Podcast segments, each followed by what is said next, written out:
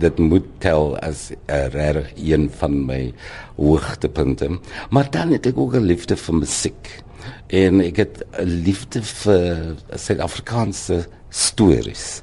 Jy weet, ehm um, ons kom nou by Dals in September en dit moet ook tel as een van my hoogtepunte. Die verskillende projekte wat ek al aangepak het. Ja, hoogtepunt vir my van Buckingham Palace, uh, die die volle produksie was seker by IK met studente van alle rasse. En ek het net gedink toe ek die die, die produksie so aankyk, toe dink ek dit is seker hoekom Richard geskryf het dat kan leef voortleef, jy weet. En hy het seker baie bly gewees dat by 'n uh, eh, universiteit soos IK dit kan uh, gelees word en uh, uit uitgebeeld word deur alle rasse in Suid-Afrika. Jy het die jaar op Gramstad 'n bekroonde produksie gehad met die naam van Dalsie September. Ook 'n wonderlike storie saam met Denise Newman. Ek sal graag meer daarvan wil hoor. Ja, jy, jy weet verlede jaar dit was so hierdie tyd van die jaar waar ek en ehm um, Denise ons wil weer graag saamwerk. Ons het jare gelede baie saamgewerk en toe ek Johannesburg toe getrek en, en ons bly as mekaar sien as Denise okay, wat gaan ons doen? En uh, Denise en ek het kom koffie drink hier by die Baxter een oggend en sy sê okay, ek het drie projekte wat ek wil voorstel. En een daarvan was Dalsie September. Nou ons het al bietjie gepraat oor Dalsie September. Ek het baie geweet van Dalsie, ek weet wie sy is. Maar ehm um, en dit was die projek wat vir my aangetrek het. Ek sê Denise, kom ons doen Dalsie September en ons doen dit as 'n eenmanstuk jy weet. Ehm uh, en ja, daar toe het ons begin research doen en dit is 'n fascinating story om minste te sê. Daar was so 'n klein stukkie daarvan net. Ja. Dalsie was 'n wel sy was 'n onderwyseres in in Suid-Afrika maar 'n aktivis en ehm um, sy het skool gehou hier in Athlone en ehm um, Delsie was ehm um, gearresteer jy weet vir sabotage ehm um, in die 60er jare en laat 60er jare sy het vir 5 jaar was sy in die tronk gewees en toe uh, 5 jaar aan der house arrest en toe sy Engeland toe. En toe sy in Londen aankom uh, join sy die die ANC en sy het die representative geword van die ANC in Parys en een oggend in 1988 het sy kantoor deur oopgesluit en sy is deur sleepmoordenaar is sy reggestel vyf koels in die kop en um, tot op datum het niemand juis verantwoordelikheid daarvoor gevat nie. Basil met jou loopbaan moes daar baie mense gewees het wat 'n invloed op jou gehad het en wat vir jou langs die pad gesê het die kant toe, die daai kant toe nie of daai kant toe nie, die kant toe nie. Wie's daai mense? Jenne Johan, daar was eintlik baie met dis meesal my vriende jy weet en van my vriende my maatjies wat ons daai jare kyk was dit wat deur die land getrek deur met skoolproduksies en daai jare het ons in 'n kombi geklim met Charlene Soty Richards, Royce Stoffels, June van Merch, um, Ivan Abrams en en uh, deur al die jare het ons mekaar so op hoogte gehou. Jy weet wat maak ons nou? Waar waar toe gaan ons nou? In feite jy uh, laat my nou dink aan 'n projek wat ek nog moet doen. En, dit is daai deur die land uh, gaan en altyd jy weet uh, wat gebeur in die land waar is daar 'n rol? Jy weet wat mense kan speel et et cetera. En um, ja ek moet sê dat die uh, my vriende skrywers uh, soos uh, Richard Reeve maar op hoërskool het ek 'n um, uh, onderwyser gehad um, Martin Davids. Hy het vir ons Engels gegee. Ons het hom genoem sir en um, hy het die regie gedoen by my met my play op hoërskool En hy het 'n groot invloed gehad as ek daaraan dink in my lewe en my loopbaan eintlik.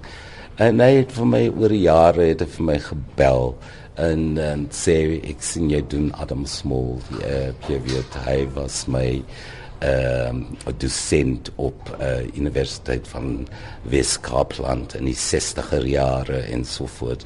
En dan sê vir my so iets van hoe Adam Small dink, jy weet, wat vir my uh, uh, uh, uh, my rol laat benader in 'n nuwe ehm um, jy weet in 'n 'n nuwe way en ehm um, maar hy het 'n groot invloed gehad in my loopbaan. Uh, ek is ewig dankbaar dat hy daai regie gedoen het van daai play daai jaar toe ek in matriek gewees het. Wat was die vreemdste ervaring wat jy al op 'n verhoog gehad het?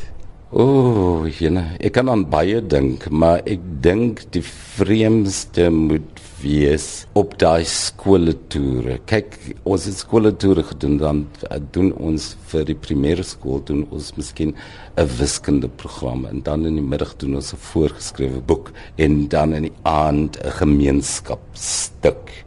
En ehm um, eendag by 'n skool ek dink dit is Karel Skuman.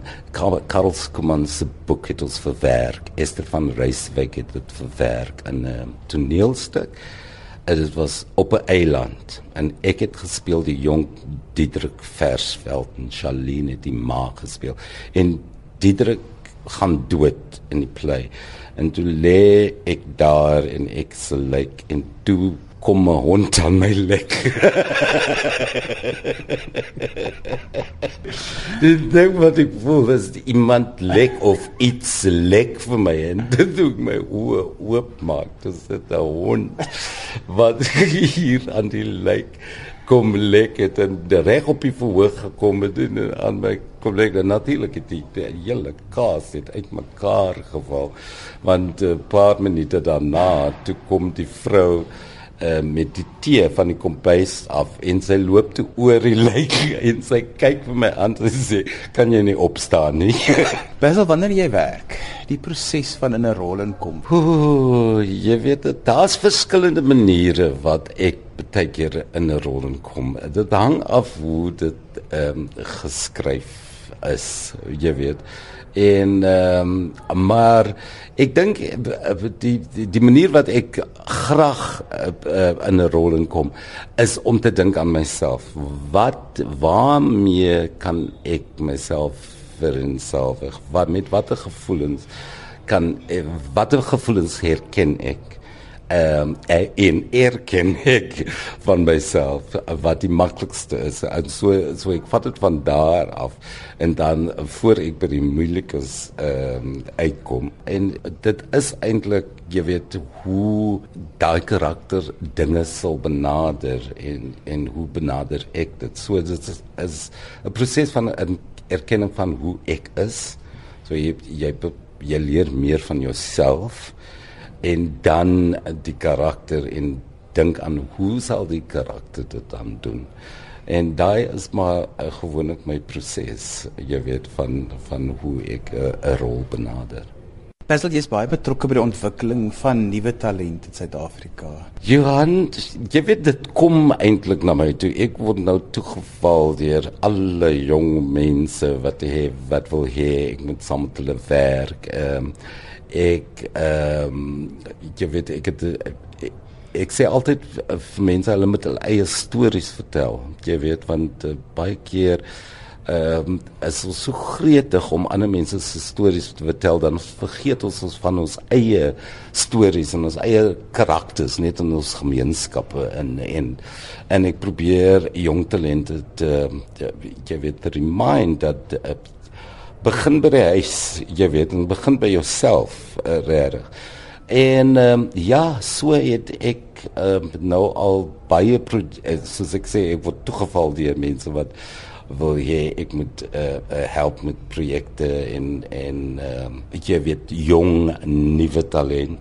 En ek is baie gretig om dit te doen. Al is dit net om te sê kom ons kyk na ons eie stories en ek dink dit is wat vir my uh, gretig maak om te help natuurlik raak dit tot ek te veel jy weet en jy kan nie vir almal ja sê nie maar ek is baie gretig om dit te doen en en dit is eintlik oor die feit dat ek um, ons eie stories uh, wil begin en uh, wil hê dat mense trots daarop uh, moet wees Ek is so bly dat jy praat van ons eie stories. Hoe moet ons Suid-Afrika se stories vertel? Wel uh, ek ek dink ons moet net begin. Net trots wees daarop. Jy weet. Ek dink mense is trots genoeg om ons weet jy weet al, alles wat van die buiteland af kom uh, 'n soort van uh veronderstel om beter te wees en dit is nie waar nie. Jy weet ons het wonderlike stories, ons het goeie stories.